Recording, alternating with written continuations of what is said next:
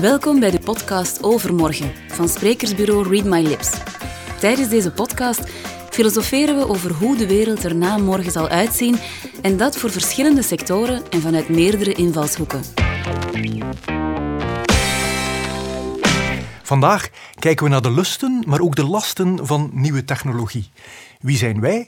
Ik ben Filip van den Abelen, uw moderator voor vandaag. En ik heb het genoegen om in gesprek te gaan met Eddie Willems, keynote speaker en expert op het vlak van cybersecurity en tevens auteur van Cybergevaar, een boek over hoe we ons kunnen wapenen tegen online misdaad en terreur.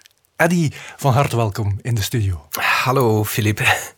Uh, Adi, ik zou meteen van wal willen steken, want ik denk dat ik mag stellen dat we in buitengewoon boeiende tijden uh, leven. We worden als het ware overspoeld door technologische innovatie. Onze stofzuiger is bij wijze van spreken verbonden met onze smartphone. We hebben wearables die con continu onze gezondheid meten. Uh, binnenkort misschien zelfs zelfrijdende wagens die op eigen kracht een parkeerplaats vinden. En ik denk dat ik ook een slecht bewaard geheim verklap als ik zeg dat wij allemaal deel beginnen uitmaken van een Internet of Things. En ik ben zelf, Eddie, ik moet dat bekennen, een onverbeterlijke vooruitgangsoptimist. Dus ik zie vooral de mogelijkheden, maar ik heb een bleekblauw vermoeden dat jij je met, eh, ons meteen ook zult wijzen op de moeilijkheden van dat soort. Ja, ja, ja, ja, Filip, dat is helemaal waar. Eerlijk gezegd, ik heb uh, daarnet mijn smartwatch compleet uitgezet, uh, omdat ik ze niet betrouw. ja, uh, nou, je moet maar eens rondom je kijken natuurlijk op dit moment. En uh, we worden rondom onze horen geslagen. Allerlei datalekken en databreaches. Het bekende Facebook-verhaal. Ik moet het allemaal niet meer uit de doeken doen, denk ik. En, en dat, waar dat al die datalekken mee gebeuren, eh, want we laten daar onze data natuurlijk achter. En dat is natuurlijk niet alleen bij Facebook het geval, dat is ook bij een heleboel andere uh, grote social media kanalen het geval, zoals LinkedIn en, en, en Clubhouse ondertussen. Dat uh, voor andere problemen gezorgd heeft. Maar ja, dat is het probleem natuurlijk. Hè. Dat is al die data die we daarin gooien, als het ware. En we zijn er misschien ons soms wel een klein beetje bewust van, maar misschien niet genoeg. En die data, ja, die, die, die wordt daar ingegooid en die wordt natuurlijk daarachter eruit gehaald, als het ware, door de cybercriminelen. Want daar is het natuurlijk de hackers om te doen, om die data. Je zegt, Eddie, ik, ik betrouw mijn smartwatch niet. En je alludeert eigenlijk op het feit dat wij allemaal misschien veel meer data ook uitstoten dan we soms zelf beseffen. Uh, dat is ook zo. Uh, dat is het probleem met big data natuurlijk. En het uh, grote probleem met alle data die dat er in feite rondom ons heen te bewaren valt en is. En uh, die dan ook misbruikt kan worden, spijtig genoeg. Uh, en, en dat is inderdaad de reden, ja. Uh, en het zit natuurlijk vol, hè, want we zeggen natuurlijk van ja, het is allemaal eh, data en het is, eh, ja, we, we, springen er wel zogezegd zorgzaam mee om, maar ik denk het eerlijk gezegd niet. Ja. Want het geval, hè, bijvoorbeeld het Facebook-lek dat we gezien hebben een aantal weken of maanden geleden, naar gelang wanneer dat je dit beluistert, um, ja, dan, dan, dat geeft toch wel aan dat we er in feite zelf toch nog net niet genoeg mee omspringen. Of, en vooral, dat ook Facebook er natuurlijk niet genoeg mee omspringt. Dat is natuurlijk ook een feit. Precies, dus we geven er ons niet altijd rekenschap van hoeveel data we prijsgeven. Hoe makkelijk? Ik begrijp dat we eigenlijk data al een stukje als, als betaalmiddel beginnen gebruiken. Dat is het uiteindelijk wel, want alles is zogezegd gratis, maar dat is het natuurlijk niet. Uh, je geeft weg waar je bent, je geeft weg uh, met wie je praat uh, of, of, of, of, iets doet, of met wie dat je op vakantie gaat, wat allemaal. En al die gegevens natuurlijk bij elkaar, daar wordt natuurlijk uit gedestilleerd uh, ja, uh, wat er allemaal eh, interessant zou kunnen zijn voor jou. En dat is natuurlijk het geld dat het uiteindelijk kan opbrengen achteraf. Dus het oogmerk van de Googles en de Facebooken is eigenlijk om, om ons via die data die wij uitstoten te gaan profileren. En daar dan ja. geld uit of munt uit te slaan. Ja, dat is het volledig. Uh, dat is het in één zin makkelijk gezegd. ja, wij dienen in feite als geld. ja. ja. als cash. Spijt ik, genoeg. Ik ben trotse vader van, van twee flinke jongens uh, Eddie, 13 en 14, die als het ware vergroeid raken met hun smartphone, die allerhande apps installeren en iedere keer onder het voorbehoud, ja maar papa, dat is allemaal gratis. Dus zij lijken zich ook geen rekenschap te geven van het feit dat zij betalen met hun data en constant geprofileerd worden. Nee, klopt. Uh, de meeste mensen realiseren het niet, denk ik. Um, en, en zijn zich daar ook niet altijd bewust van. Alhoewel dat er toch wel soms een kentering is. Er zijn wel wat mensen die... Je hoort dat natuurlijk. Hè, en, en, en de media is tegenwoordig over bijna niks anders bezig. Dus er is wel ergens een bewustwording. Maar toch doet me verder in feite doodleuk. En dan krijg je natuurlijk allerlei problemen met al die sociale mediakanalen. Die we in feite allemaal wel goed kunnen gebruiken uiteindelijk. Ja, wel, Daar, daar ligt volgens mij ook een beetje de, de trade-off. U zei aan het begin van het gesprek, ik heb mijn smartwatch afgezet. Voor die twee flinke zonen van mij betekent dat een doodsvonnis. Ja, ja, ik moet ook eerlijk eh, zeggen dat ik het ook niet gemakkelijk afzet hoor. Het is een van de enige momenten tijdens zo van die podcasts of andere lezingen of zo van die zaken wanneer ik het ook afzet. Anders dan staat het bij mij ook altijd op en dan uh, probeer ik inderdaad alles zeer goed te volgen. Maar wij leven inmiddels in een, zeg maar, in een connected society. We maken allemaal binnenkort of momenteel al deel uit van dat Internet of Things. Dus is het niet onvermijdelijk dat wij ja. betalen met data? Ja, uiteindelijk is dat zo. Hè. We kunnen er niet rond. In feite moet je wel een stukje ja, weggeven, want anders krijg je ook niks meer terug.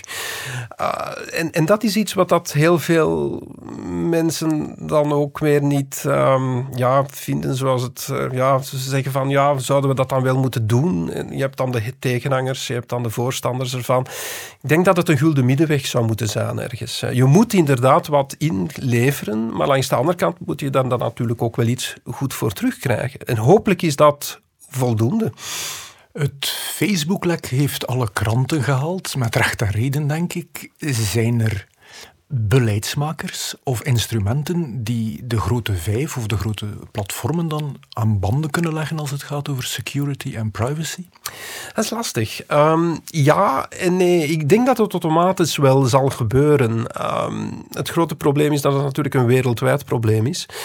En er zijn natuurlijk sowieso al rechtszaken aan de gang. En die rechtszaken, daar zal rekening mee gehouden worden. En dan heb je natuurlijk die rechtszaken gecombineerd met nog een heleboel andere maatregelen, inclusief de GDPR.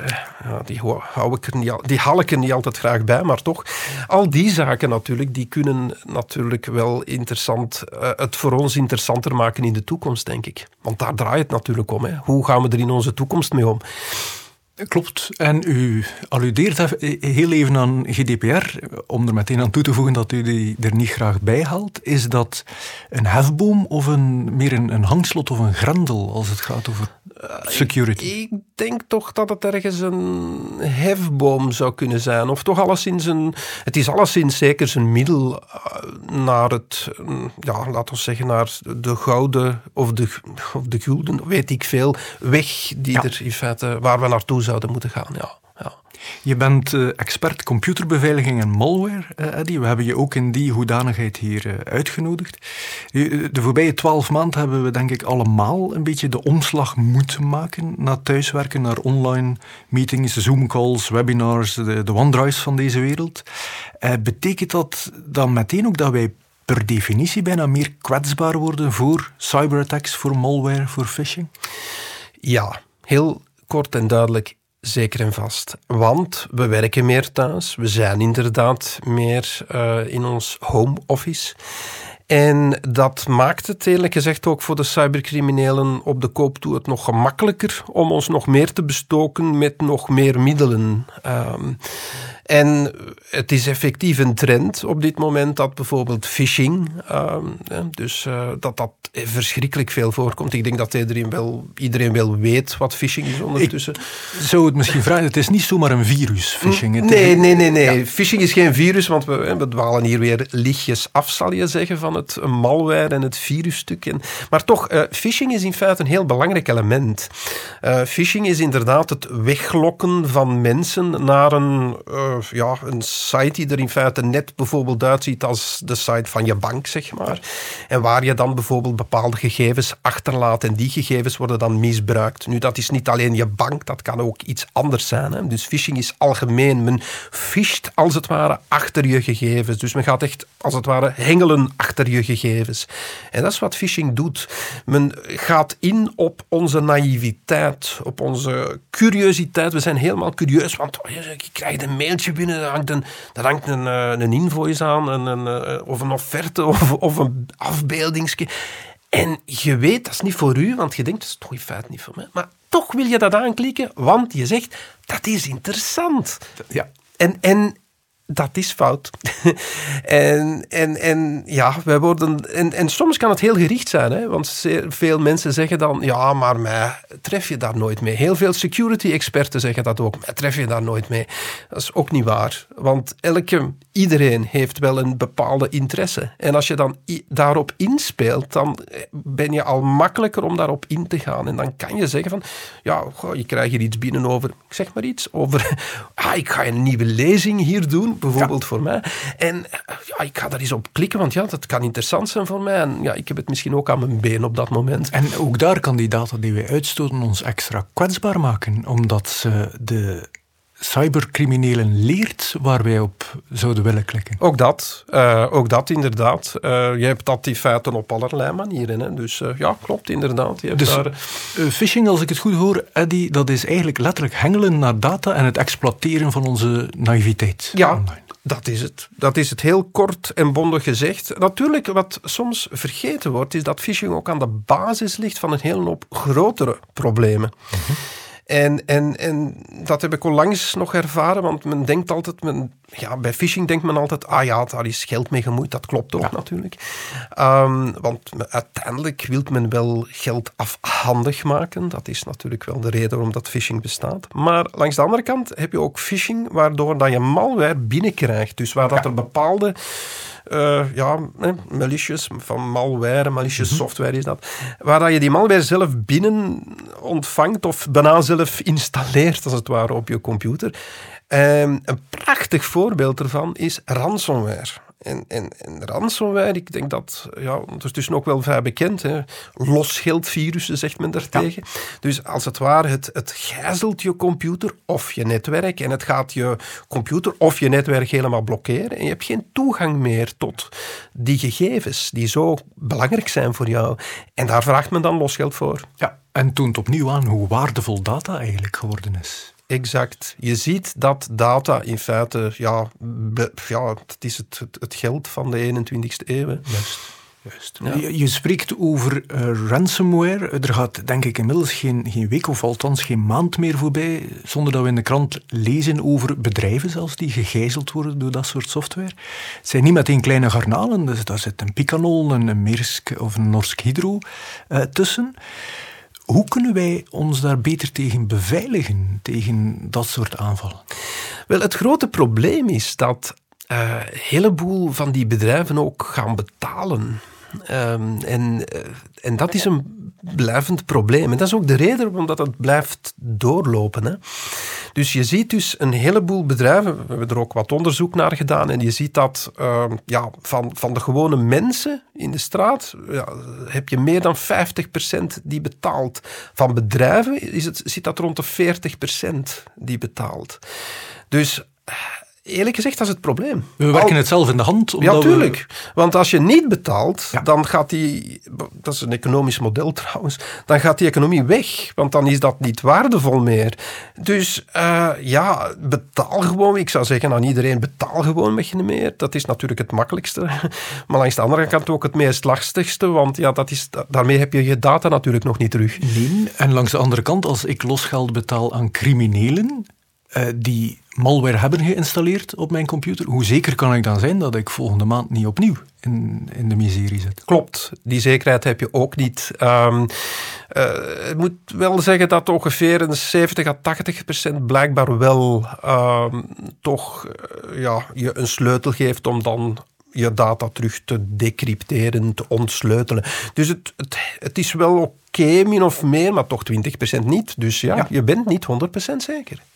En je spreekt over zowel particuliere mensen als wij, als bedrijven die, die eigenlijk blootgesteld worden aan dat soort ransomware. Ja, Inderdaad. En er is ook een, ook een trend die blijft doorgroeien. Hè. Ehm, ik ben er zelf toevallig in aanraking mee gekomen in 1989. Dat is dus een heel oud ding. Ik ga daar nu niet over uitweiden, want dan zitten we hier morgen nog. Dat, uh, dat, dat, dat, kan ik ook wel eens een lezing doen, denk ik. Het is heel, een heel mooi verhaal om naar te luisteren. Maar toch, uh, het is een oud ding, maar het is zo effectief. En het is van één, uh, laten we zeggen, probleem toen, in 89, uitgegroeid tot een miljoenenprobleem. Op dit moment, er zijn miljoenen aanvallen in de wereld. ja, verleden jaar bijvoorbeeld, naar ons afgevuurd op dat gebied. Dus het is een heel groot probleem. Het is ook een van de meest lastigste IT-problemen. Uh, het staat in de, de, ja, in de top drie van de, de, meest lastigste problemen uiteindelijk om op te lossen. Um, het, het, is een lastige zaak, uh, ransomware. En iedereen krijgt er inderdaad mee te maken, of kan er mee te maken krijgen, spijtig genoeg. Ja. Wel, maar dan, dan, dan denk ik ook, Ellie, dat iedereen die momenteel aan het luisteren is, ongetwijfeld geïnteresseerd zal zijn naar uw kennis als expert in computerbeveiliging. Stel dat ik morgen met aan zekerheid grenzende waarschijnlijkheid een ransomware-attack zal ondergaan. Welke acties kan ik of moet ik dan vandaag nog ondernemen? Wel, je moet dat voorkomen. Dat is het belangrijke element.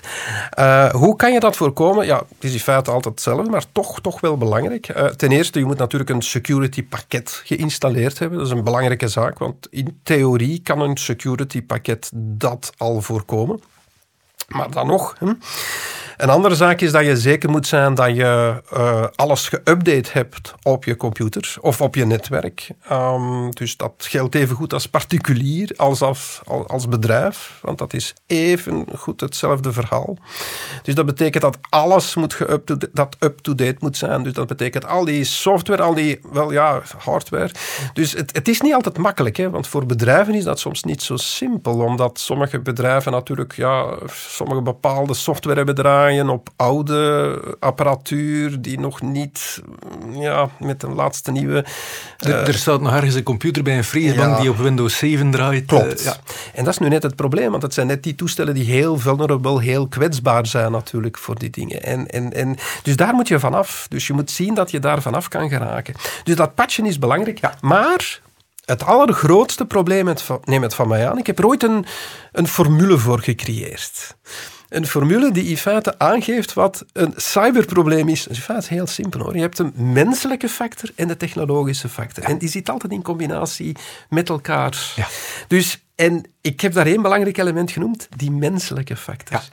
Het zijn wij die de verkeerde beslissingen nemen. Het zijn wij die op de verkeerde link klikken. Het zijn wij die naar de verkeerde websites gaan.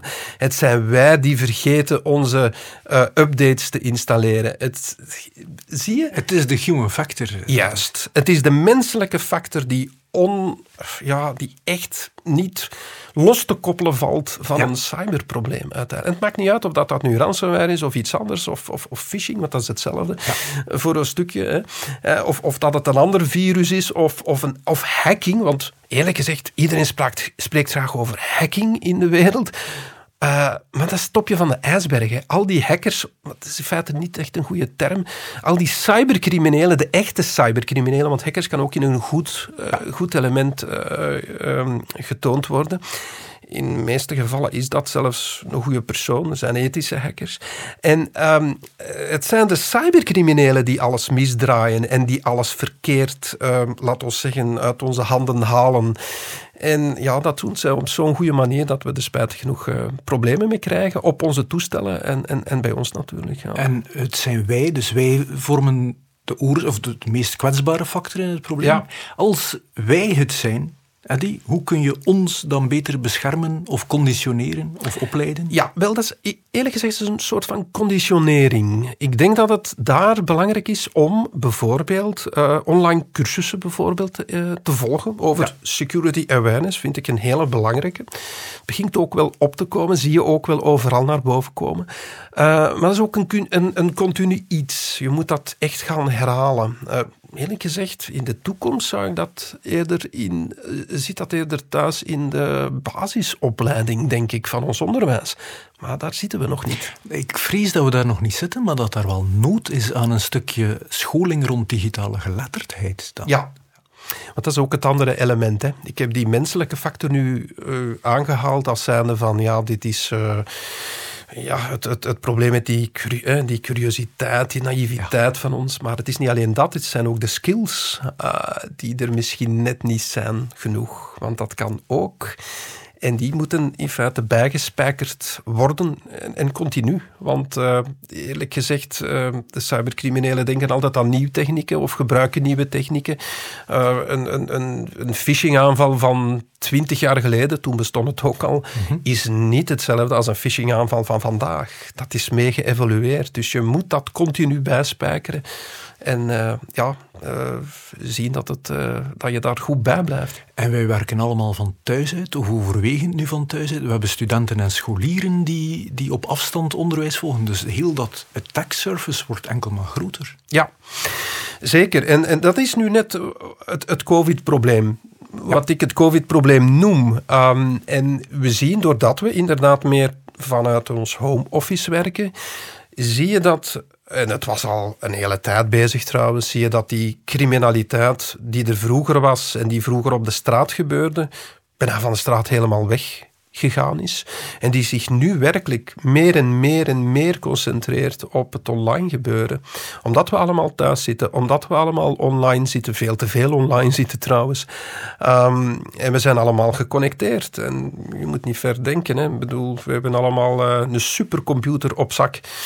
Um, en vr vroeger zou ik daarvan gedroomd hebben, eerlijk gezegd. Ik, ik weet nog heel goed toen dat ik met, met mijn klein computertje in 1984 zat te spelen. Als je dat vergelijkt met nu, ja, dat is een immens verschil. De tijd toen computers nog offline machines waren. Ja, ja. inderdaad. Ja, en toen het nog met een cassettebandje werkte. Nu moet ik uitleggen wat dat een cassettebandje is tegenwoordig. Ja. ja. Je sprak daarnet over ransomware, eigenlijk de, de first line of defense niet betalen. Geen buit is geen dief. Het feit dat er vaak gevergd wordt dat er in cryptomunten betaald wordt, betekent dat ook dat die, de bitcoins van deze wereld, dat dat eerder een, een last dan een lust is? Ja, wel, goh, um, je moet natuurlijk bitcoins bezien. Het is in feite hetzelfde als cash. Ja, maar online cash, dat is het. En dat is het probleem. Want de cybercriminelen hebben daar natuurlijk ook hun baat bij dat zij niet teruggevonden worden. Dus wat doen ze? Zij gebruiken online cash om natuurlijk betaald te worden. Met andere woorden, bitcoins. Wel, niet alleen bitcoins, er zijn nog andere cryptomunten, maar dat is natuurlijk de meest populaire. En ik moet nu wel zeggen dat je daar wel een beetje kan naar zoeken wie dat erachter zit, want er zijn wel wat mogelijkheden. Dus de politiediensten hebben daar wel een kleine slag om de arm. Alhoewel dat dat bij andere cryptomunten veel moeilijker is soms.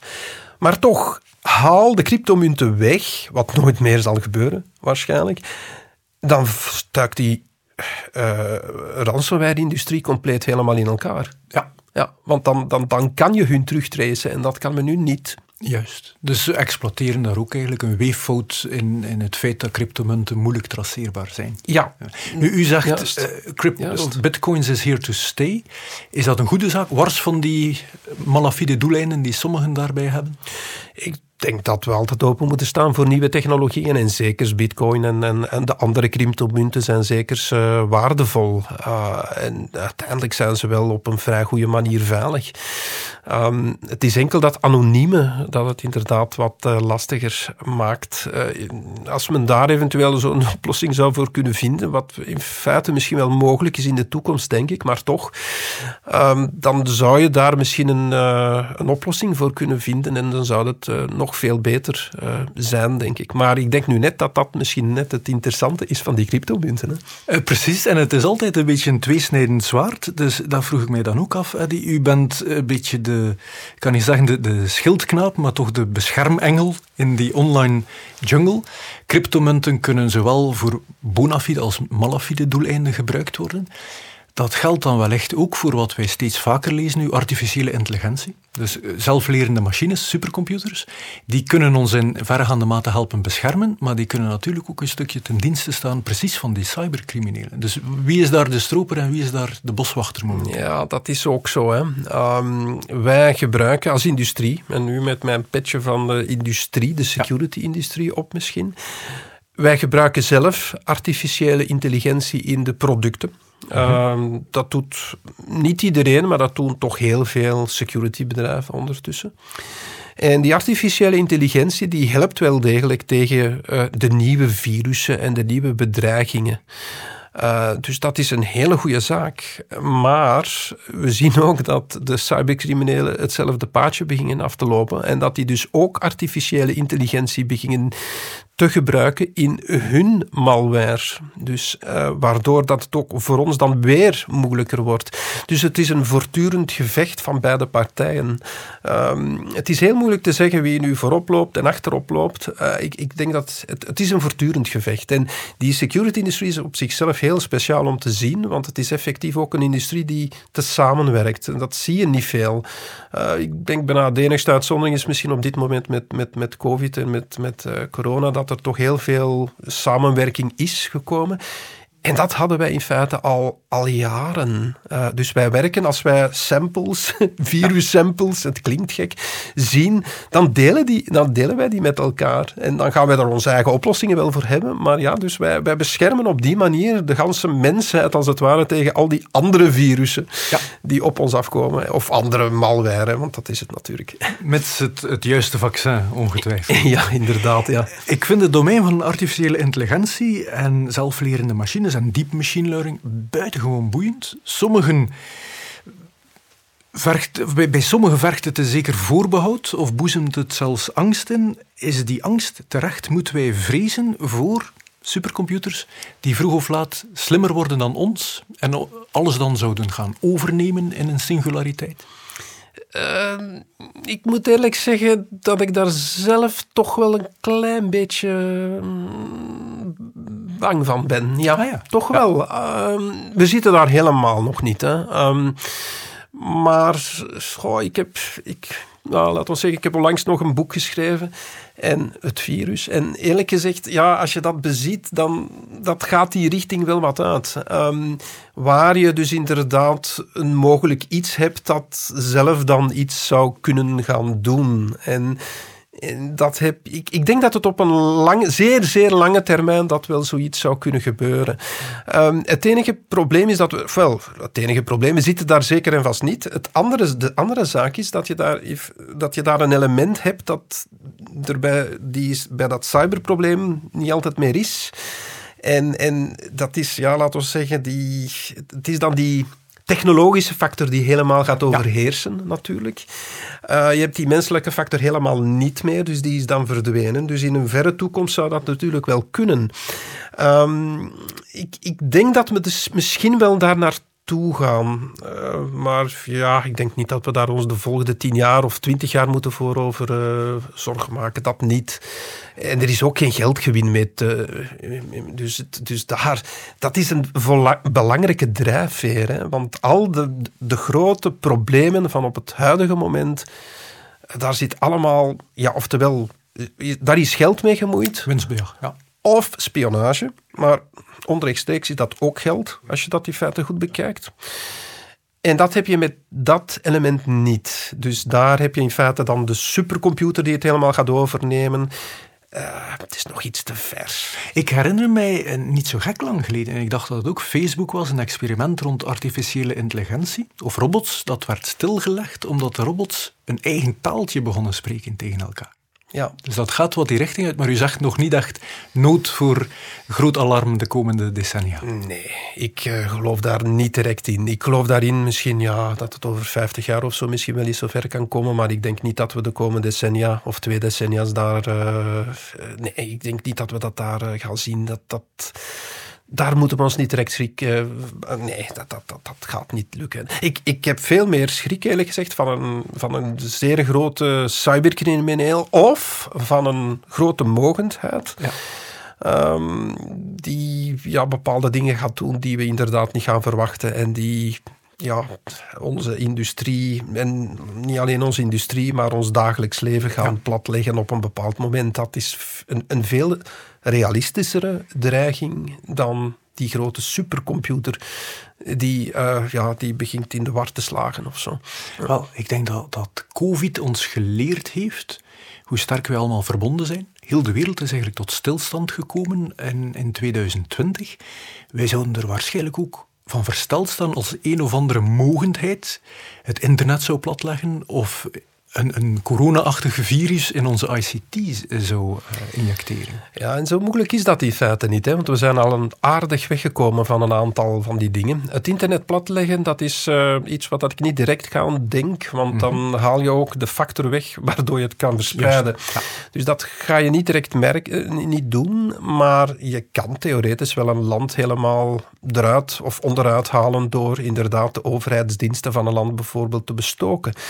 En dat uh, online stukje helemaal weg te halen. Dat zou je kunnen doen. Uh, van één land, van verschillende landen, van Europa, van de States. Het zou allemaal kunnen. Het, het, uh, er zijn volgens mij zeker en vast mogendheden op dit moment in staat om dat al te doen. Dus schurkenstaten die snode, snode plannen smeden, die moeten geen kernfysici inhuren en uranium verrijken, maar die moeten eigenlijk data scientists en ICT, de mensen als u, onder ja. de arm nemen. Ja, ik vraag me soms af wat dat ik verkeerd gedaan heb in mijn leven. um, als je ziet ook wat dat uh, sommige van die cybercriminelen verdienen, dan denk je van, wat zit ik hier te doen? Um, je, je, wordt gehinderd door je eigen ethiek. Uh. Ja, ja, gelukkig maar. Um, maar ja, want die, die, die, die cybercriminelen die echt wel uh, miljoenen uh, verdienen op een jaar en dan nog belastingsvrij. Ja. het is, ja, dat is onvoorstelbaar. Je sprak daarnet over je, je computer uit de jaren 70 of 80. Ja. Uh, ik zou toch eens door jouw ogen althans in de toekomst willen kijken. Onze podcast heet ook Overmorgen. En met overmorgen bedoel ik volgend jaar, maar ook de, de komende 5 tot 10 of 15 jaar. Als ik zie welke rotvaart ICT genomen heeft. Van die eerste computers met de floppy disks die offline waren, naar eigenlijk die megacomputer in onze achterzak en de Connected Society, het Internet of Things vandaag. Hoe zie jij dat evolueren naar 2025, 2030? Wat ja. staat er ons nog te wachten? Heel veel. En alles wat ons zo goed uh, ja, gaat te goed komen, zal ik maar zeggen. Um, ik denk dat er nog heel veel positieve elementen in dat interzet, in dat online gebeuren zitten je ziet dat alles nog uh, veel um, technischer wordt. En dat, ik, ik denk ook dat daar het verschil gaat zitten. Die technologische factor die gaat heel sterk worden. Uh, we zien ook een verschuiving naar het automatiseren van gewoonweg alles. Um, heel simpel. Um, de, de beeldschermen die we hebben nu en die we nog meedragen in onze mobiele telefoon, die zullen er volgens mij niet meer zijn. En het gaat gewoon weer een hologram worden die uit je smartwatch komt. Ja. Um, dat is volgens mij garandeerd iets dat gaat gebeuren. Je, je, ziet ook al, al die updates die we nu zelf nog soms moeten aanklikken of die nog in bedrijven moeten gebeuren, die gaan volledig automatisch lopen. En, en ik denk dat dat ons heel veel goeds gaat brengen. Maar dan gaan we natuurlijk met andere problemen zitten, waar dat je bijvoorbeeld uh, ja, misschien geen files meer hebt op de weg, maar files op, op, op, uh, op, op de digitale wegen. En waar dat de data in feite de digitale wegen gaat doen overlopen. Ja. Ja, want dat, dat is iets dat men op dit moment niet aan denkt. Maar ik denk wel dat we misschien wel met een data-overload zullen kunnen zitten op een bepaald moment. En dat je dus ja, daar een probleem mee gaat krijgen. Dus omdat we zoveel technologie heeft die met zo goed met elkaar communiceert, maar waar dat misschien één element dan verkeerd loopt en waar dat alles in de, in de war gaat stromen. Ja, ja. Dus de, de digitale snelweg die dichtslipt door een, een overmaat aan data eigenlijk. Ja. Het is iets waar ik af en toe zelf ook bij stilsta.